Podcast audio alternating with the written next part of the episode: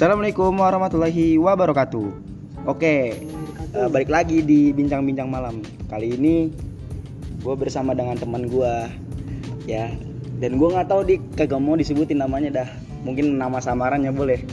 Samping kiri gue siapa sih? Gua Karmax gua. Oh, Karmax. Samping kanan gue siapa nih? Ivankov. Oh, Ivan Kov. Buset, deh, keren banget ini ya. Gue gak ngerti gue ngomong sama siapa anjir. Oke, langsung aja kita sih mau bahas apa sih hari ini?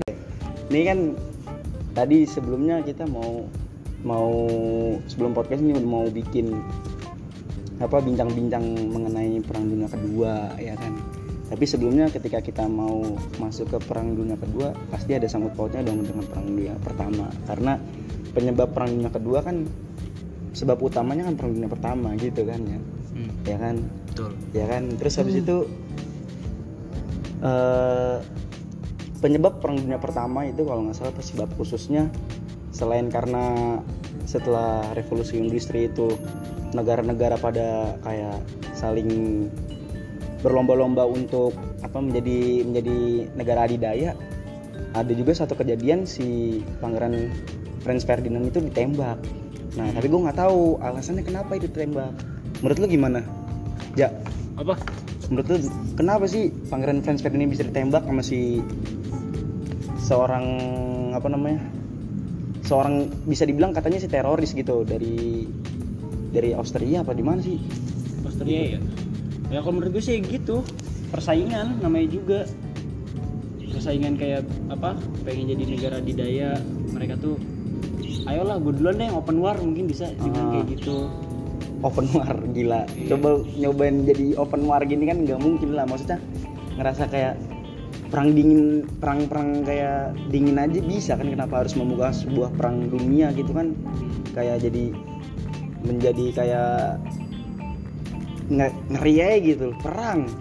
Tapi menurut gua nih ya, perang dunia satu tuh identiknya dengan persebarluasan wilayah dan jadi nih satu negara kuat dia akan terus mengambil alih negara-negara sekitarnya dulu. Hmm. lama-lama meluas meluas. Jadi menciptakan sebuah koloni lah sama kayak zaman penjajahan dulu negara-negara gedenya.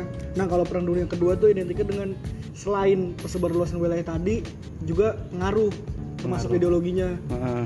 timbullah setelah itu jadi perang dingin nah itu udah full full 100% perang ideologi doang nggak ada perang secara baku tembak segala macem Hmm. nah ideologinya ber- berpengaruh sampai sekarang sekarang tuh perangnya udah ekonomi Hmm.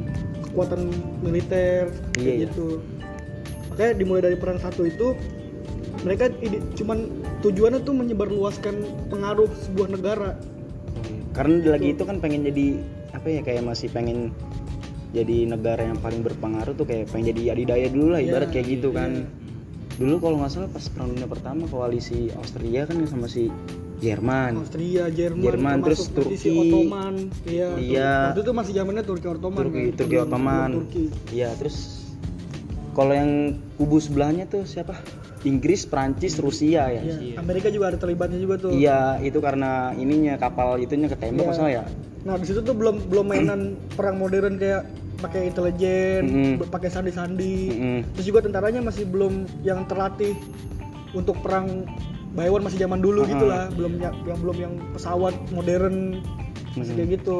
dulu juga tembakannya tembakan yang yang ini yang yang pelurunya gede banget iya, itu ya yang sekali nembak kokang, sekali nembak kokang gitu, -gitu Iya. doang. Iya Itu, itu belum belum ngadu tuh. belum ada Nah, gue masih bingung nih perang dunia ke satu tuh selesainya kayak gimana gitu. Lu- Nggak lupa, lupa gue, apa nggak Iya. ngerti? Dar kali lu inget perang dunia pertama selesai se- ketika Jerman kalau nggak salah itu menembak sebuah kapalnya si siapa namanya kapal dari Amerika lewat tuh Ya. kan lagi itu kan lagi ada perang antara si Jerman sama si Inggris tuh ya kan di selat Inggris kalau nggak salah Hmm. gue lupa nah setelah itu pas baku tembak itu nggak taunya ada kapal Amerika lewat ketembak sipil nggak itu kapal sipil kalau nggak salah. Ditembak sama kapal selamnya si dari si siapa namanya? Si Jerman U-boot namanya kapal U-boot nah itu kan bikin si Amerika melonjak naik tuh anjir cak Karl Marx tuh.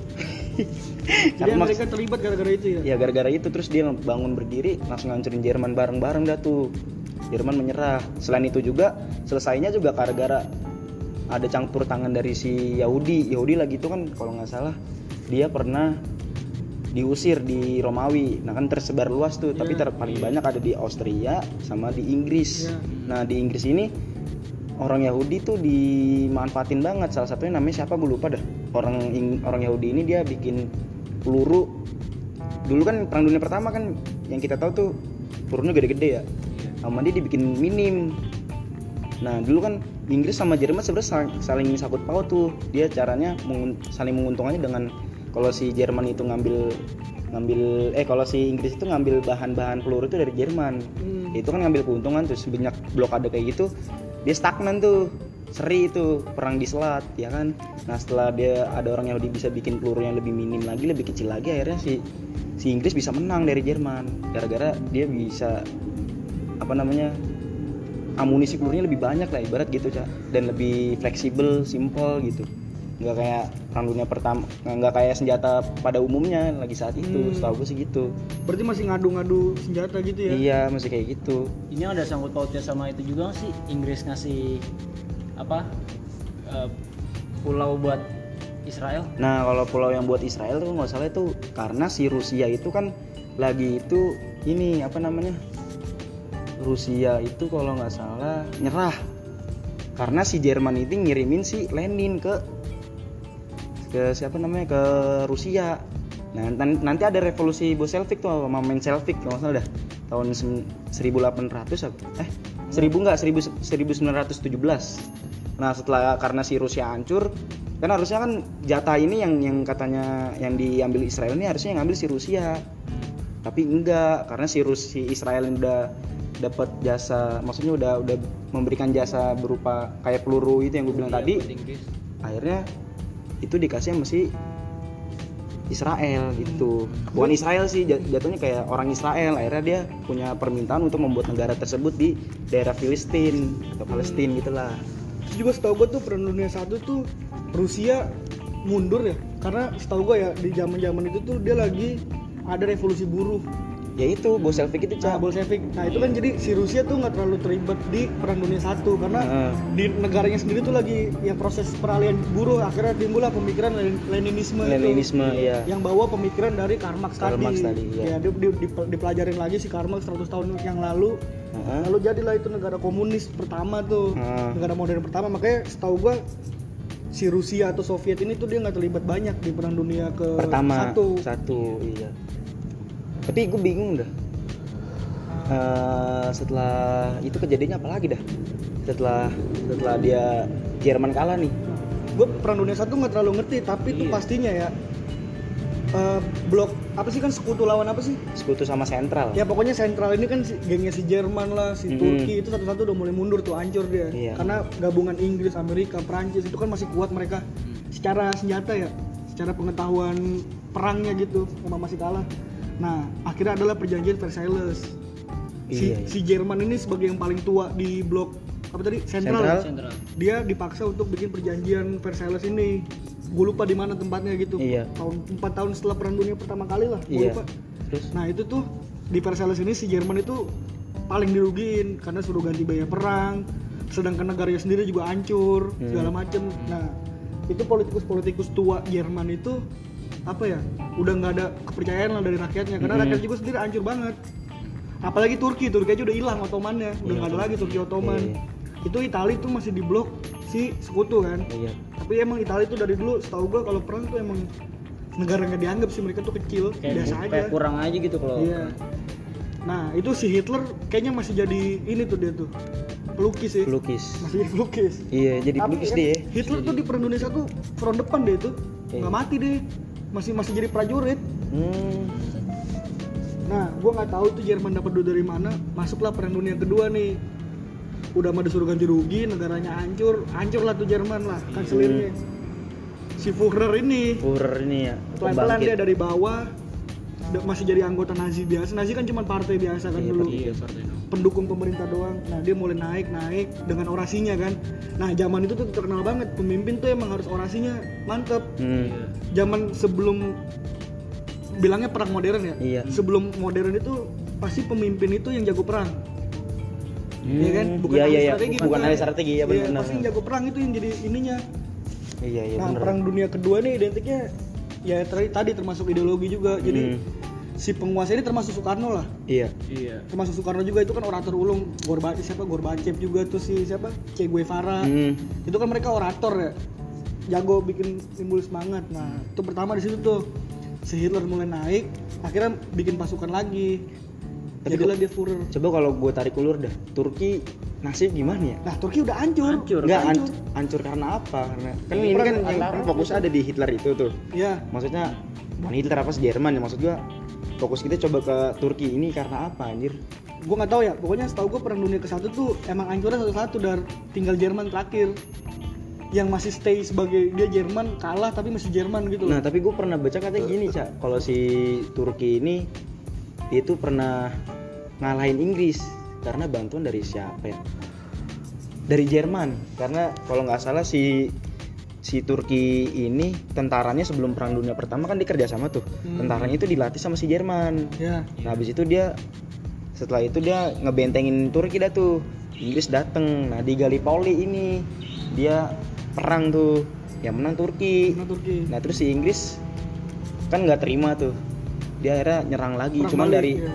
Cuman dari nggak langsung ke Turki, dia ngambil kayak pasokan makanan dulu apa gimana gitu. Hmm. Muter dulu ke daerah Arab, Norwegia apa ke mana gitu, baru ke Turki. Nah, setelah itu Turki ketam. Nih, Nah, kenapa sampai si Mustafa Kamal Atatürk itu bisa sampai kayak ada yang naikin dia buat jadi presiden ya karena jasanya besar pas lagi dia bisa ngalahin si Inggris, Inggris, di Gallipoli itu. iya iya iya. Setahu gitu ya, cuman lebih spesifiknya mungkin gue belum belum tahu belum baca lagi gitu. kita mulai masuk ke perang dunia kedua aja Oke, kali. boleh dah. satu kayak kurang tahu kurang gue kayak iya sih, gue juga kalau pengen juga gue udah udah minim banget gue perang nih dunia satu catatan sejarah juga gue lihat-lihat ini dah masih banyak perang dunia kedua Iya, gitu kan iya. banyak banget versinya tuh perang Iya. dunia kedua pokoknya gue nggak tahu gimana caranya itu Jerman dapat duit lah banyak banget konspirasinya ada yang Iya. bilang si Rothschild terlibat Mm-mm.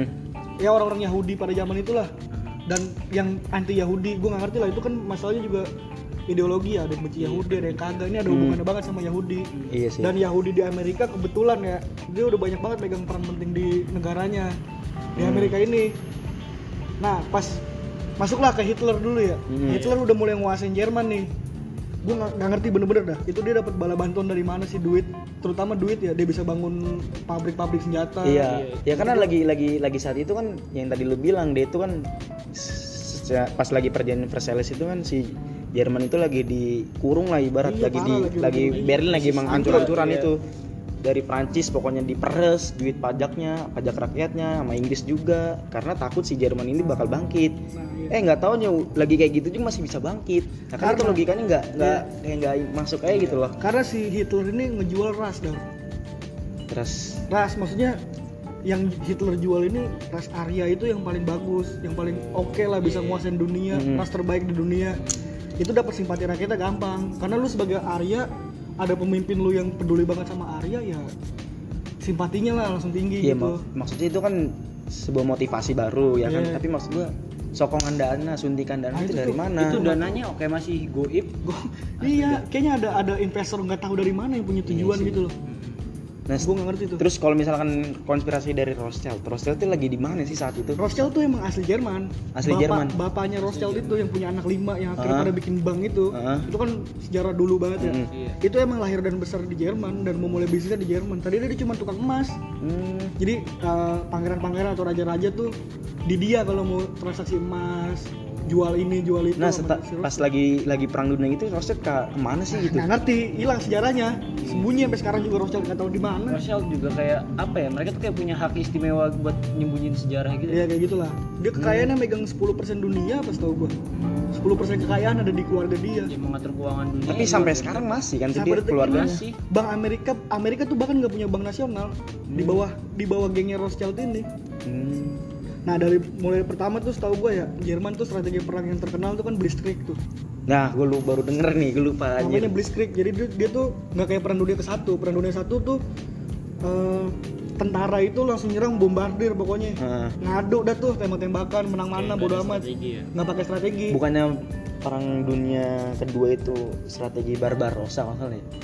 Tahu nggak Barbarossa? Setahu gue si si Jerman ini punya strategi dia harus harus menguasai dua wilayah dulu Stalingrad sama Leningrad Iya. nah itu, itu kan itu itu sebelum tempat- itu Itu jauh dah. itu itu Oh. nanti itu Stalingrad mah ntar udah mulai kancurannya Naji. itu tuh udah udah big plan-nya itu arahnya ke situ ya. Cuman Hmm. sebelum itu dia pakai blitzkrieg dulu. Jadi kan mungkin ya karena jumlah pasukannya masih belum terhimpun dengan baik gitu, Hmm. terus juga senjatanya masih diproduksi kali ya, gua nggak ngerti.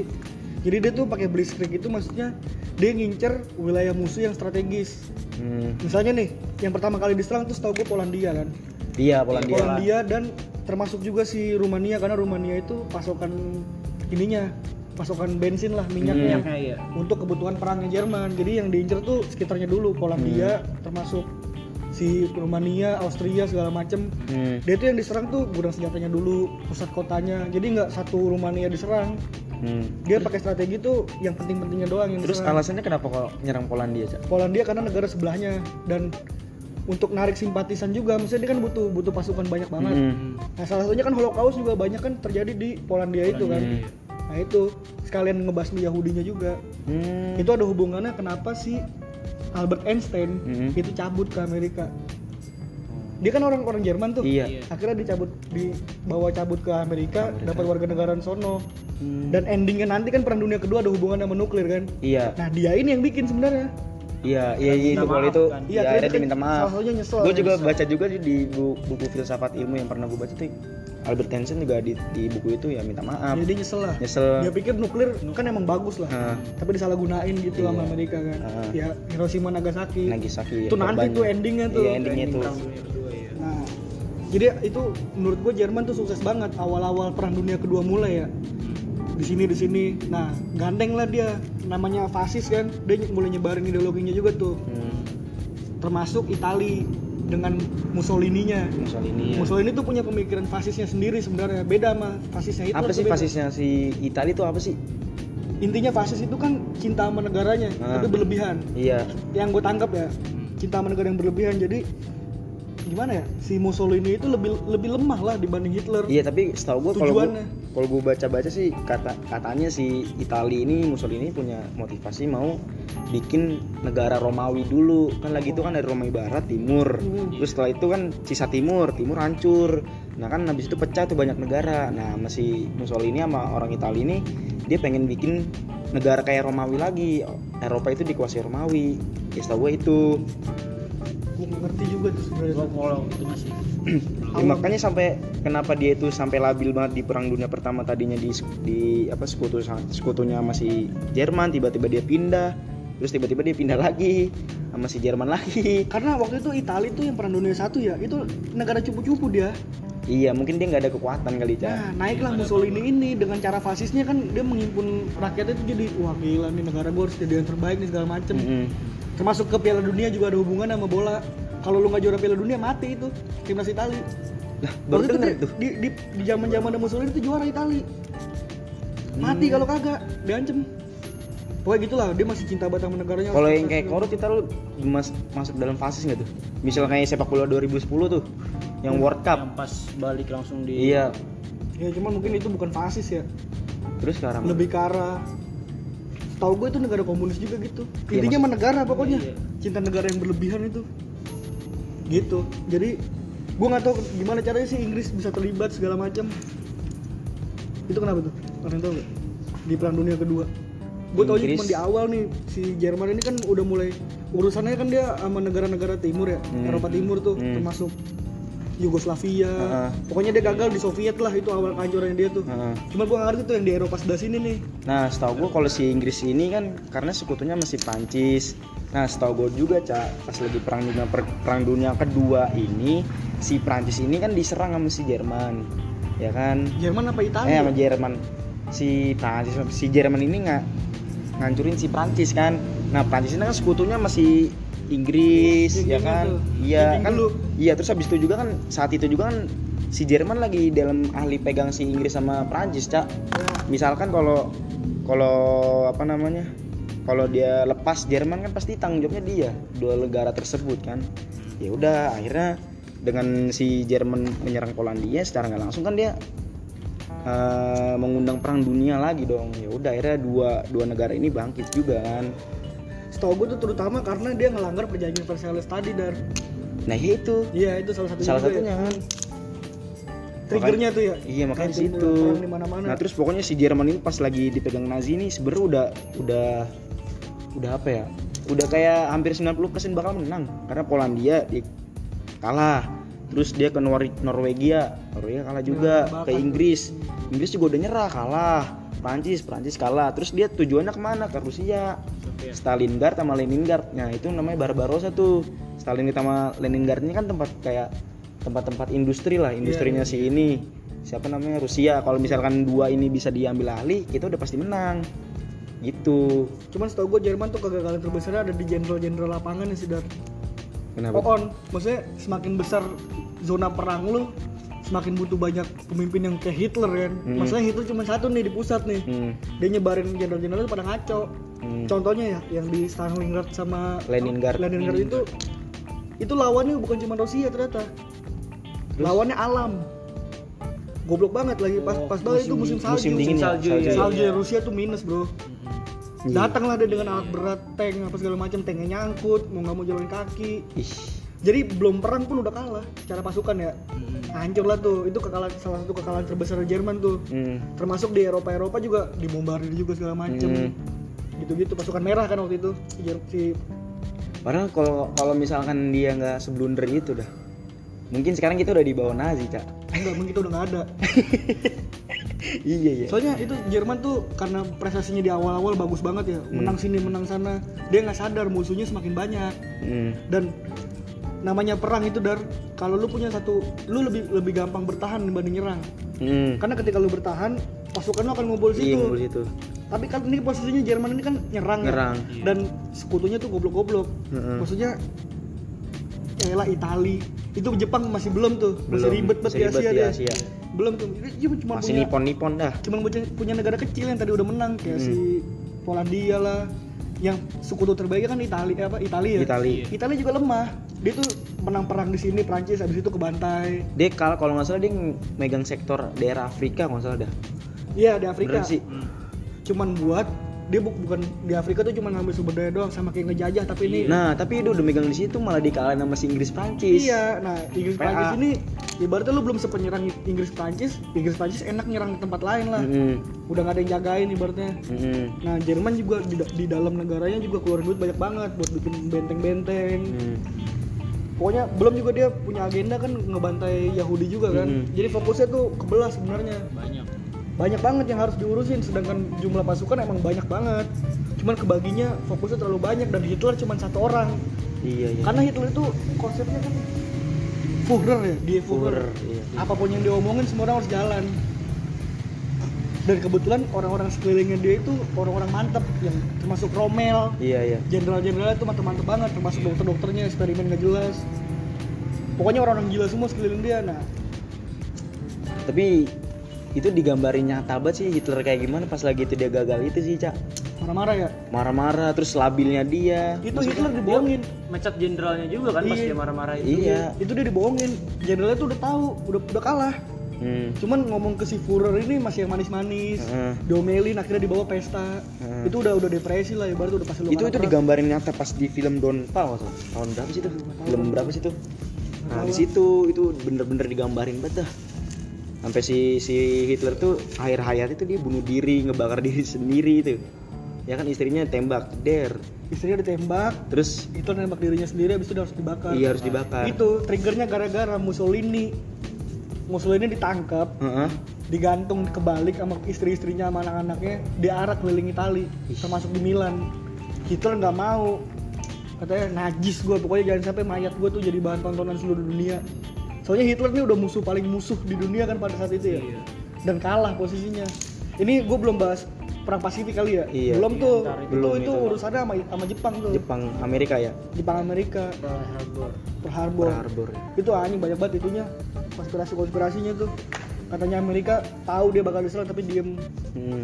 biar apa namanya meraih simpati simpati gitu bukan biar diserang Jepang jadi ada alasan loh wah Pearl Harbor gue diserang padahal Pearl Harbor tuh kan Hawaii Hmm. Hawaii itu jauh banget Jauh dari banget Amerika. Amerika. jadi nggak ada terganggunya gitu dan nggak ada yang bisa nyerang Amerika karena secara secara geografis jauh Tapi walaupun geografis jauh kan tempatnya ini, Cak. Tempat-tempatnya gudangnya senjatanya mereka. mungkin itu itu pangkalan terluar Oh, kirain gue itu sebagai gudang senjata gitu, Cak. ada ada pabrik senjatanya ada cuman kan pusat itu iya tetap- pusatnya mah tetap di tetap Amerika Amerika nggak terganggu Amerikanya jadi nggak adil Jerman diserang Jerman nyerang Amerika nyerang tapi nggak diserang Hmm. secara geografis ya Iya. ya Inggris mah hancur Prancis mah hancur namanya perang kan kalau itu kan udah zamannya pesawat tuh udah pada canggih tuh Iya. udah bisa yang peluru gitu.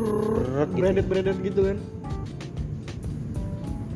Tapi yang gue masih bingung apa ya? Ih, itu tadi Cak, balik lagi dah. Duitnya dari mana itu banyak banget konspirasinya mungkin ada kali jawabannya ya cuman gue nggak tahu juga Cuman masih ditutup aja kali sejarahnya tentang kayak gitu-gitu. yang namanya yang kalah kan pasti nggak bikin cerita Nggak yang, bikin yang cerita. bikin cerita yang menang Yang menang. Iya sih. Di sejarah kan siapa yang menang, bukan siapa yang kalah. ah tapi itu juga Amerika perang Vietnam iya ke bantai kok mereka kalah ke bantai kok tapi mereka bikin cerita bikin Rambo Iya, Iya. bikin cerita. seakan-akan heroik banget satu orang Ya karena dia negara didaya kan.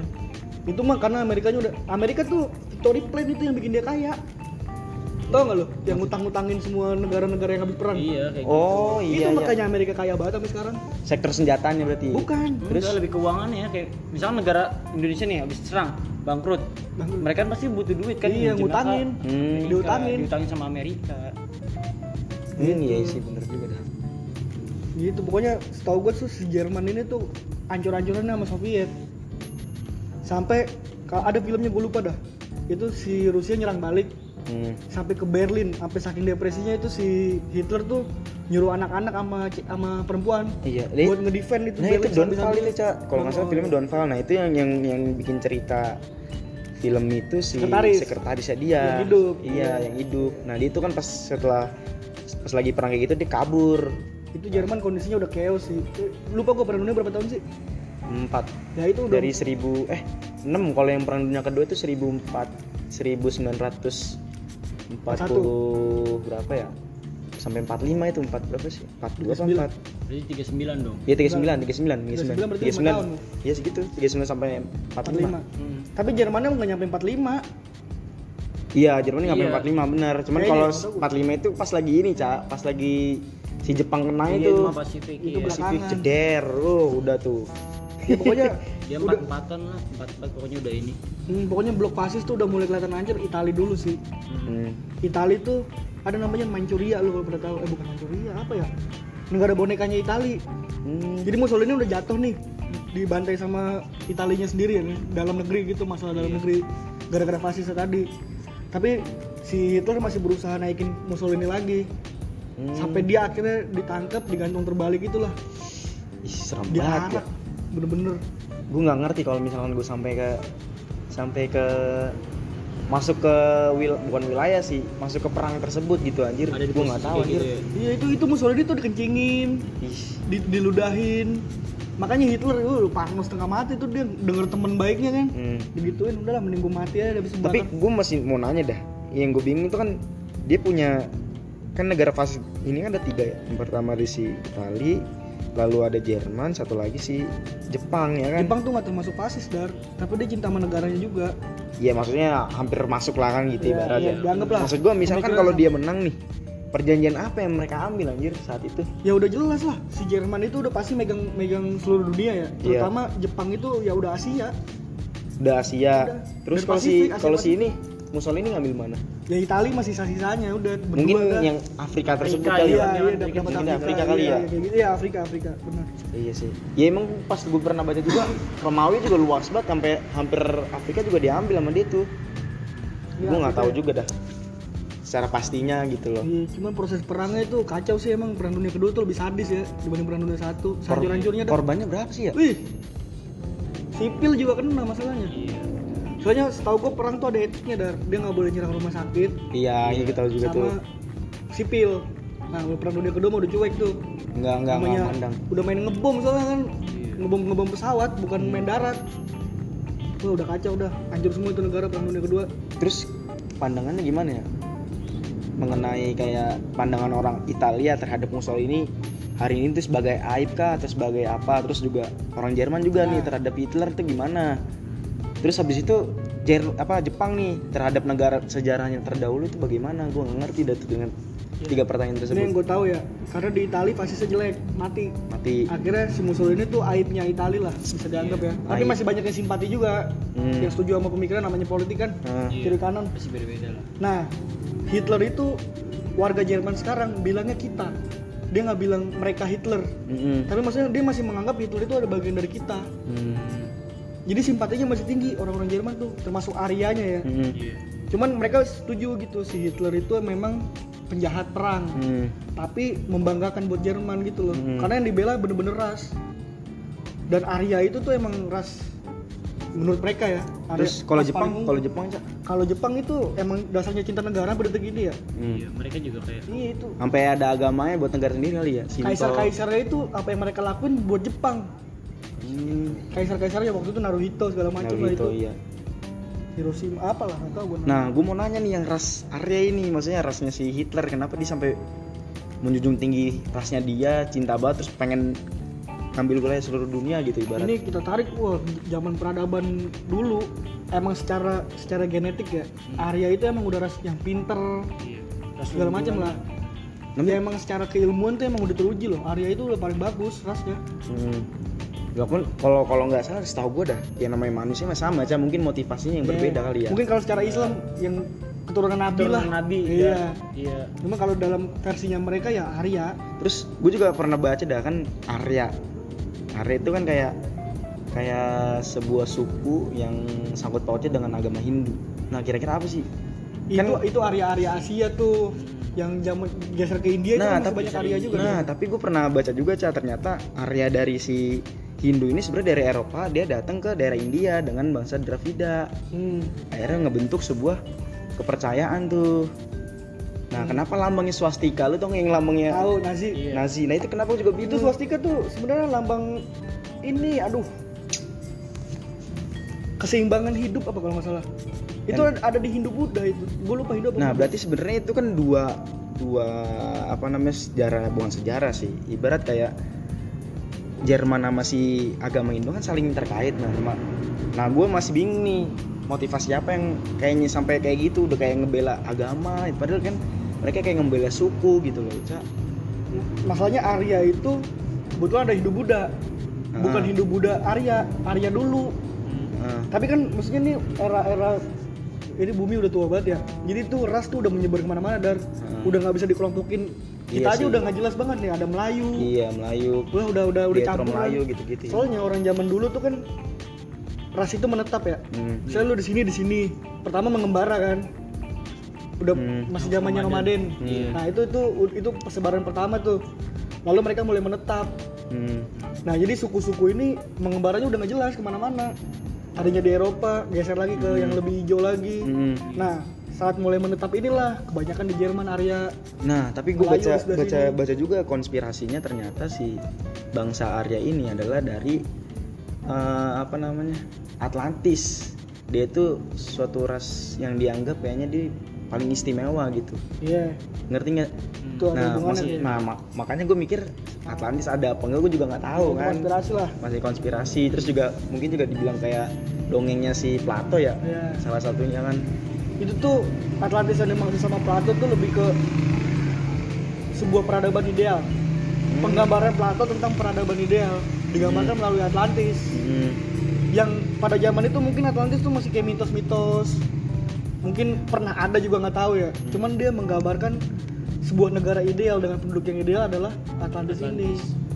Karena pada zaman itu tuh ya masih belum ada pemikiran semaju itu ya. Makanya Plato dicap ada yang bilang dia gila apa segala macam karena mikir zaman dulu orang kerja bukan mikir Hmm. gitu. Hmm. Balik lagi ke perang dunia kedua nih. Oke, balik lagi silakan. Oke, gue udah narik nariknya gue udah jauh banget itu Cak. udah peradaban. Peradaban jauh banget itu. Ah, sampai mana tadi ya? Ih, sampai mana kita? Malah jauh banget ke bangsa Arya ya fokusnya. Yang Nah, seru terus- tuh sebenarnya perang Pasifik sih menurut gue ya. Itu Hmm. perang paling seru sih. Saya banyak filmnya juga. Tapi nggak kalau di buku-buku sejarah tuh nggak terlalu digambarin secara luas sih, Cak. Hmm. Lebih ke arah kayak perang si Jerman antara si itu siapa kayak sekutu gitu. jarang banget kalau yang Pasifik kan Amerika itu kan di laut banyak literasinya literasi tapi biasanya literasinya yang bahasa Indonesia jarang sih Inggris kalau buat yang perang-perang Eropa ya iya ya itu banyak banget literasinya sebenarnya dar Nah. malas baca juga dah sekarang Soalnya Ah. kalau Pasifik bentar, kalau yang Pasifik kenapa kita bisa lebih tahu mungkin ya perang Pasifik karena ada hubungannya sama Asia. Iya apalagi Indonesia Karena itu perebutan Asia Pasifik bener-bener Asia Pasifik gitu loh. Dan perang laut bukan perang, Perang darat, darat. ketemu darat. Iya. Soalnya nggak ada penghubung daratnya. Emang lu kapal selam. Itu udah mainan intelijen dulu tuh ada film namanya Enigma apa nggak salah. hmm. The Imitation Game. oh. Yang main tuh Benedict Cumberbatch itu. Jadi tuh si Jerman tuh punya kode rahasia, nggak ada yang bisa mecahin. kode rahasia apa tuh Jadi tuh pakai sandi. Misalnya pusat nih komando ada di Berlin kan Ah. pada zaman itu ya. Dia bikin nyerang di kota ini jam Kodenya segini. apa? Nah itu, Itu tuh pakai pakai password yang bisa baca cuman mesin. Mesinnya yang ada di pesawat-pesawat gitu lah di komando-komando. Buset, udah canggih juga itu ya canggih pada zaman itu, tapi bisa dipercaya sama Amerika. Jadi Amerika punya pasukan intelijen juga kan, termasuk Hmm. Rusia tuh yang KGB. KGB iya gue Iya, pernah kalau baca juga kita tuh kan FBI apa CIA gitu kalau Iya. Amerika tuh lupa gue yang waktu itu iya sih iya sih iya. terus Lupa gue CIA apa FBI CIA. CIA. saya bagus sih Akhirnya mereka bikin tim bodohnya itu pada awal-awal ahli bahasa yang direkrut. hmm. Padahal ini tuh sandi bukan bahasa Sandi, Jerman, bukan bukan, bahasa bahasa, Jerman. mana bukan, tapi kode. kode Jadi tuh misalnya kodenya pertama Bekasi 8 Agustus 2017. Hmm. Itu udah acak-acak katanya. hmm. Ntar disatuin lagi pakai mesin. Akhirnya ketemulah tulisannya Bekasi 8 Agustus. Hmm. Jadi nggak bisa disadap. itu rumit rumit banget rumit, ya rumit. Jadi walaupun Kompleks. iya walaupun disadap, lu nggak bisa baca. Misalnya lu nih header nih ngasih tahu si Reza, kan zaman itu belum ada telepon apa segala macam belum kan? Iya. Masih pakai enkripsi enkripsi telegram gitu. Telegram zaman dulu. iya bukan sekarang Bukan, bukan telegram buat bokep bukan. sekarang mah ya gitu lah ya animas animas Lu tuh ngasih perintah, ja lu serang Itali, eh, lu, Hmm. jangan lu serang Inggris. hmm. iya Nyerang London 5 Oktober 45 misalnya 42 misalnya Hmm. gitu. Pas lagi proses pengiriman kan bisa disadap tuh. Hmm. Tapi ntar kode yang nyampe ke dia tuh acak-acak angkanya, Hmm. hurufnya, semuanya dah pakai kode-kode gitu. berarti secara dia bikin kode kode mungkin kayak berupa waktu cuman Mungkin sama ya, dia iya, sama dia diputer semua Iya acak-acak pokoknya udah nggak jelas dah, udah nggak tahu iya maksudnya. terus apa. ntar disatunya sama sistem gitu nah, kan dia ntar ketemu lagi mesin, mesinnya yang bisa ngolah. hmm. Itu Jerman tuh kenapa bisa berjaya ya waktu itu ya. Jadi komunikasinya nggak bisa dilacak. Hmm. Nah kadang bingung juga sih ah, itu dari bisa kayak gitu dari mana sedangkan teknologi zamannya setelah perang dunia pertama tuh juga nggak nggak keren keren Nah itu makanya perang dunia kedua tuh sangkut pautnya Ban- banyak banget sama intelijen. iya Udah udah canggih-canggihan deh, si canggih-canggihan senjata. berarti mungkin manfaat daripada perang dunia perang dunia ya bisa terpicu adanya perang karena mungkin juga jadi kayak termotivasi untuk menjadi lebih baik lagi akhirnya kayak berlomba-lomba untuk meneliti membuat ini, sesuatu Sampai detik ini. Zaman dulu tuh perang yang tadi gue bilang ya, Hmm. yang dipakai tuh yang jago perang, yang ototnya kuat, Hmm. yang jago nembak, yang akurasinya bagus. Hmm. Zaman sekarang tuh udah nggak perlu, lu udah bisa pakai robot segala macam. Semuanya udah bisa dilibatin, anak-anak IT bisa dilibatin. Zaman dulu tuh belum bener-bener perang tuh adu fisik, gitu kalau sekarang tinggal ya yang penting otak, otak, terus otak. Termasuk kapal selam. Heeh. Itu kapal selam dulu tuh masih susah juga kan di, dilacak nih kapal selam sebelah mana nih. Mata megang bom, ngeri. hmm, Zaman dulu kan cuma bisa kapal, kapal selam, pesawat, iya jalan kaki, iya, iya tank. Itu pada ngadu tank zaman dulu mah. Jerman tuh kan kuat di tank tuh. di tank Itu. strateginya Ih, berarti sebenarnya dia udah bikin strategi yang begitu matang baca Iya, makanya udah siap ibarat auto tuh. menang, auto menang. auto menang cuman karena tolol Iya, temennya tolol, Jerman serakah, ini. musuhnya terlalu banyak. iya sih bener bener Ibaratnya kayak Jerman versi pribadi lah gitu kalau zaman sekarang iya mah. sekarang iya, bener. Lu mau sejago apa juga kalau dikepung mati. Apalagi Rusia kebantai itu dia. Hmm. Itu kekalahan terbesar sih itu Rusia tuh. Iya. Rusian dah. Kalau enggak enggak gitu ceritanya nih. Seperti gini. Sekarang gue mau mau nanya ini dah apa sih manfaat perang dunia per- pertama kedua itu terus apa dampak buruknya Hmm. gitu terus apa dampak yang paling dirasakan sampai saat ini itu nggak lepas dari perang dunia Iya. kedua pertama tersebut Perang dunia kedua impact impact paling bagus sampai detik ini adalah lahirnya PBB salah satunya. tapi kan kayak yang sebelumnya apa sebelumnya apa sebelum PBB pernah dibentuk kan setelah perang dunia Iya, pertama iya cuman belum efektif lah orang masih pada perang. Lah itu setelah perang kan kan, Ca? maksudnya Iya. kan setelah setelah perang dunia kedua juga setelah perang gitu Iya, nah itu produk paling bagusnya itu adalah PBB. Jadi mereka semua mikir gimana caranya biar nggak perang lagi nih. apa karena mungkin kurang tegas kali ya Karena PBB yang megang yang mereka yang menang lah. Iya sih. Amerika. tapi setahu gue juga yang yang sebelumnya juga mereka mereka juga yang megang gitu cah iya iya si pemenang udah pasti si pemenangnya Si yang megang hak veto kan iya zaman dulu kan masih masih bagus masih banyak betul apa apa perjanjian apa apa perjanjian. Gitu-gitu. Nah perang dunia kedua efek paling mantepnya itu sebenarnya perang dingin. Ah. itu udah perang paling seru sih menurut gue sih dibanding perang dunia satu dua. Nah, yang diadu tuh ideologi. Ideologi. mantep-mantepan deh tuh ngadu. Iya ya udah jadi nah ini gue nggak tahu Jepang tuh bisa terlibat itu gara-gara bocah Seraka juga ya. Asia kan Iya. udah berjaya nih. Nah, dengan A3 nya lu tau A3 gak? iya itu Nippon kan. Nah Nippon 3N Nippon 3N nah, tuh terus? Nippon Cahaya Nippon eh, pokoknya dia abang Cahaya, lah Asia itu loh iya gitu lah datang dengan embel-embel udah. Kan semuanya lagi dijajah tuh posisinya. Malaysia dengan Inggris Iya, Indonesia dengan. Belanda. Awal-awal embel-embelnya udah lu sini gue tolongin. Hmm. awalnya tuh udah ini Jepang nih gue abang lu nih gue bantuin deh lu Saudara, iya. ternyata diperes lebih kacau Lebih lagi kacau dari lagi, penjajahan iya. Belanda sebenarnya tujuannya dia menguasain Asia Pasifik tadi dengan bodohnya dia pede tuh pakai hitung-hitungan si si jenderal-jenderal itu terkenal gue lupa siapa namanya nyerang lah Pearl Harbor bodoh iya. itu menurut gue itu filmnya apa? iya iya juga ada. Iya, Pearl Harbor judulnya. Pearl Harbor itu dah judulnya Pearl Harbor nyerang lah dia set pede kan jepret Amerika masih cuy santai-santai kan Amerikanya di ujung sono Iya. beda ratusan kilometer lah pokoknya dari Hawaii katanya ya konspirasinya tuh Nah, si- tapi- Hmm? kalau misalkan gue pernah baca juga katanya Indonesia sebenarnya udah disiapin juga cah buat jadi tentara Jepang namanya peta pembela Iya, tanah iya, air iya, kan iya.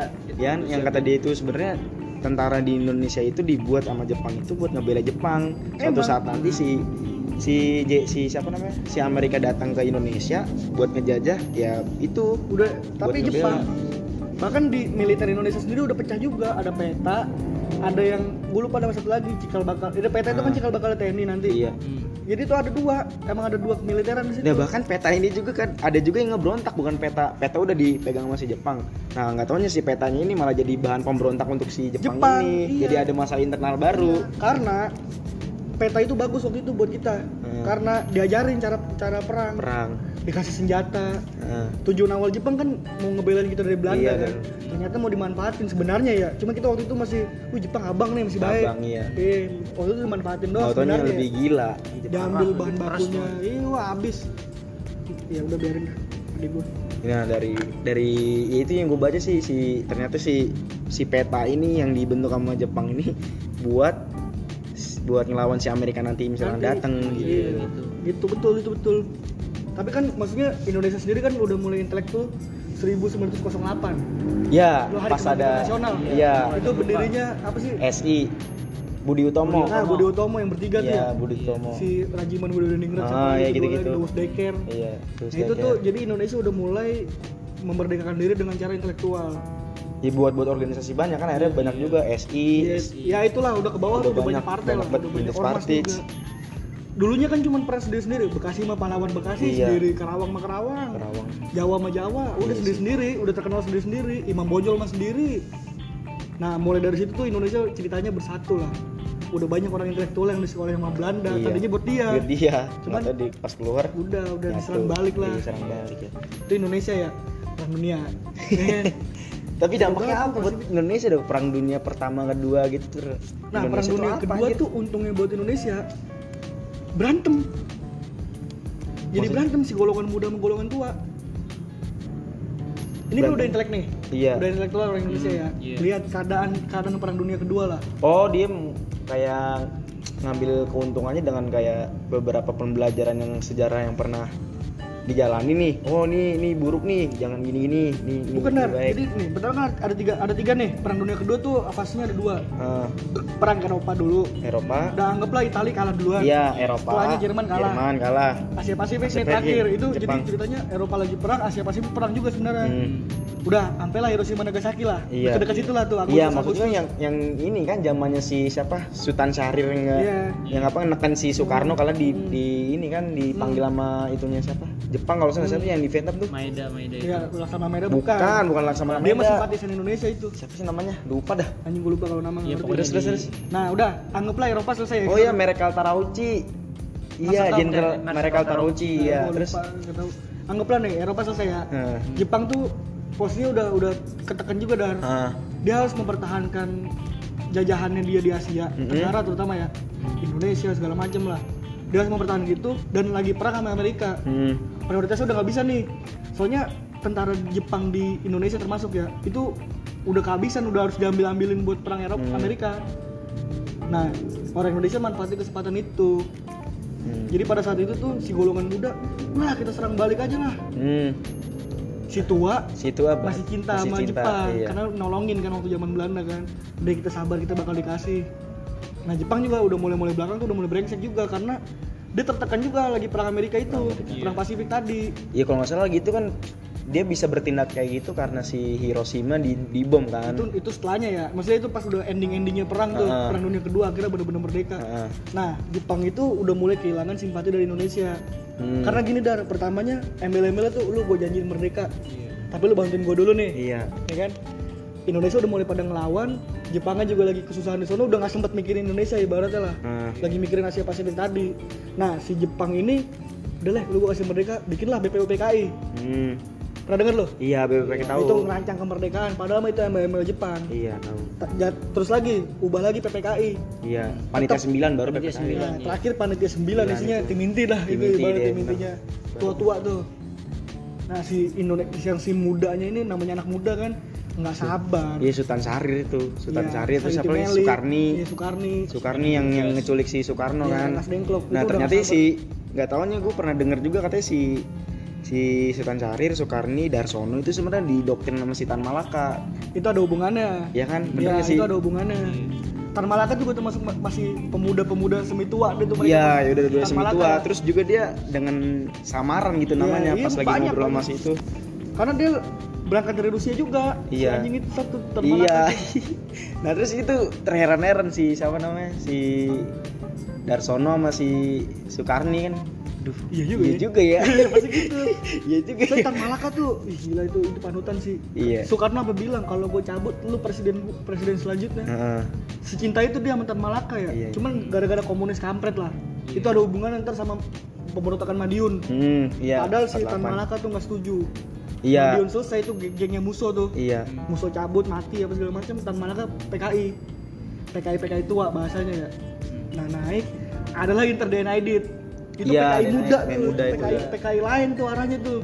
Udah mau ngambil ini Tan Malaka tuh cinta sama Indonesia. Hmm. Emang pejuang kemerdekaan yang nggak diakui. Karena tadi yang lu bilang julukannya banyak, mainnya tuh bawah tanah dia, Hmm, nggak kelihatan lah kayak si Dewas Deker, nggak Hmm. kelihatan lah kayak Soekarno yang wah orasi di mana-mana. Hmm. Dia selalu Tan Malaka tuh belakang. Iya di bawah tanah pergerakannya kalau Tan Malaka tuh.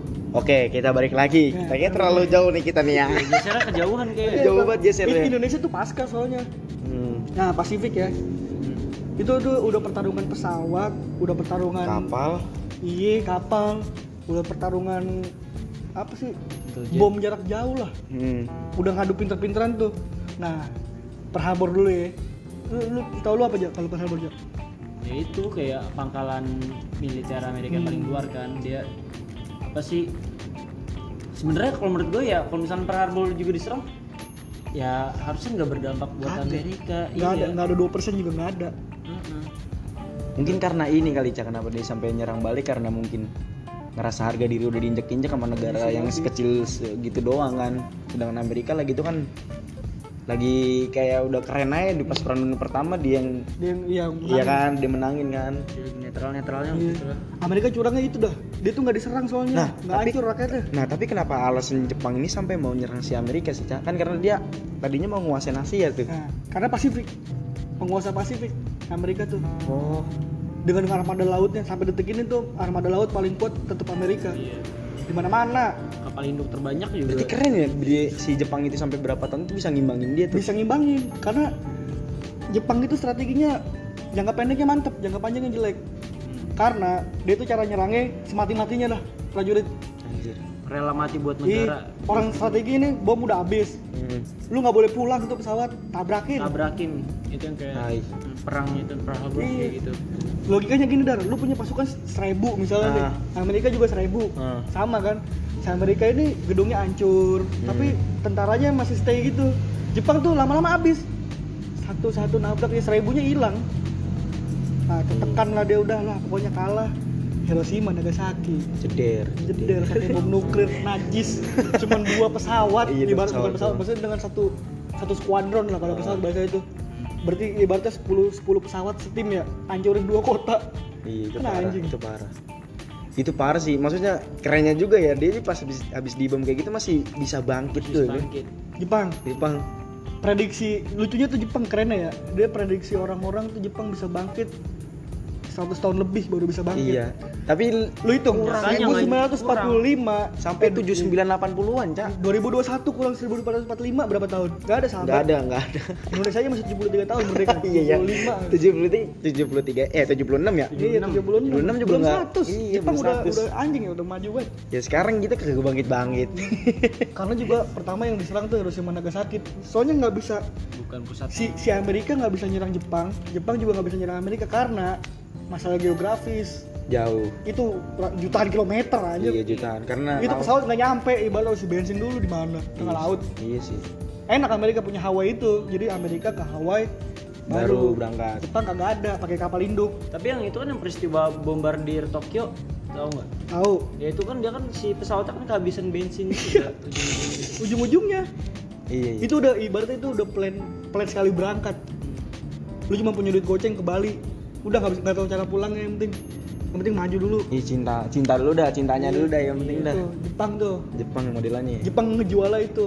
Lu mati bener-bener lu mati sebagai penting banget lah lu mati bela Iya. negara tuh dibanding lu mati sia-sia sakit mendingan gua mati apa detik ini pasti Jepang tuh Iya sih.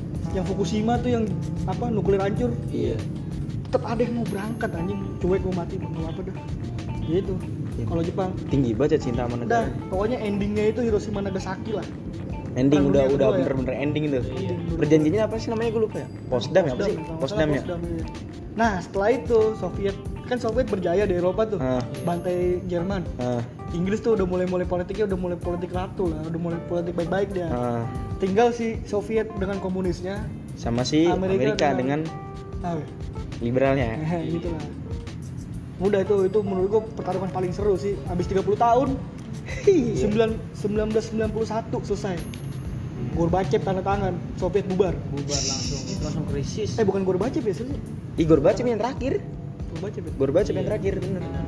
itu sampai detik ini masih perang Balkan tuh dan Soviet kelar bagilah Rusia gede Nah, itu itu banyak ya kita tahu. Yugoslavia nah Yugoslavia pecah satu habis itu detik ini tuh Serbia Montenegro Hmm. terus Bosnia Herzegovina udah itu udah udah perangnya udah perang-perang Eropa Timur udah itu. Hmm.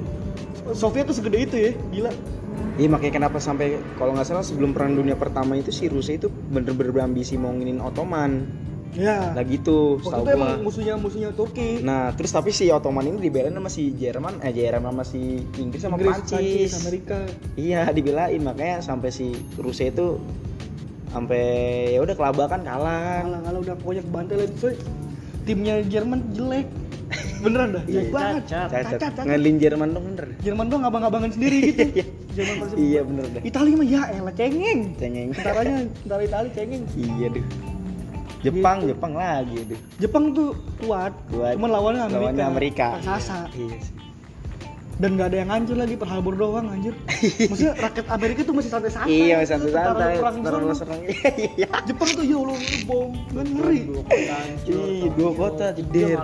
masalahnya Hiroshima Nagasaki tuh pusatnya militer Militer. pada saat itu ya Iya. proses pembangunan Industri juga Nah, sih dia. industrinya industrinya emang itu jenderal udah nangis bundir kali itu ngerti Hmm. Tapi Indonesia saat itu gimana ya? Masih dijajah. Indonesia tuh masih berontak Ih, udah masih masih dah dia masih ribet masih megang senjata. Ini makanya gimana ya? gua kemarin lihat senjatanya Nasution lu tau Nasution kan Iya sana. Nah, itu jenderal bintang 5 kita tuh. Iya Senjatanya jelek banget dan Baru pas masih perang kemerdekaan tuh Heeh. Najis satu kokang ganti pelurunya masukin lagi Oh, kayak main shotgun tapi peluru cuma Iya, satu Najis peluru-peluru kecil banget jelek Iya, model kita model semangat dong lah gitu kan. Orang Inggris ditembak pakai senjata Indonesia gatel aja kagak mati Iya iya. jadi di saat mereka negara-negara besar tuh Eropa ya terutama udah nemuin senjata-senjata kita tuh masih percaya dengan yang namanya ilmu-ilmu. Iya Masih pakai ya, bambu runcing itu kagak cuma lagu. Beneran itu bambu runcing. Lu punya bambu Sri, Sedek Sri. Anjing dia pakai senjata dari jauh udah bisa nembak kita mau maju. Iya, maju ya. Wah harus ketemu jantung dulu tusuk baru. Iya, semua mending kalau pakai shuriken ya kayak Naruto kan shuriken enak ya lempar wing, wing. pakai bambu. Iya iya pakai bambu. Belum juga paling benjol pala bukan Iya, iya. mati. Aja udah udah Indonesia. Iya iya. Udah merdeka lah kita ya nggak? Iya, merdeka. perang dunia selesai tuh efeknya terbaik buat kita tuh merdeka, Merdeka. tapi anjing nggak selesai sampai situ agresi militer. Agresi militer dulu. terus iya. Satu dua. Ada kisah tolol di di daerah Surabaya. Hmm. apa sih? Ini 10 November, itu ya tolol. Kan pakai pakai ini nih bambu kan kita Ah. kan pakai bambu runcing. Mulai bantai-bantain tuh tentara Inggris kan waktu Hmm. pada saat itu ya. Tapi kita tuh jadi punya senjatanya orang Inggris yang mati tadi. Iya iya tahu. Goblok ya orang Indonesia yang bak temennya sendiri iya nggak tahu cara maksudnya pakai. dia nggak tahu cara makainya ngerti sih? Namanya eksperimen kan Nih, Anjing gimana jatuh sih brrrr, mati aja orang-orang goblok orang Indonesia aneh dah kalah dah dah. Yaudah dah, nih apa kesimpulannya nih dari dari dari apa yang kita bicarakan sini? jadi menurut gue ya buat Jerman nih pesan nih buat ntar the next Hitler nih lu kalau mau perang pastiin temen-temen lu bener Iya. jangan sendiri Jangan aja sendiri iya. Aduh duh, kasihan banget itu dia pemikir keras banget itu.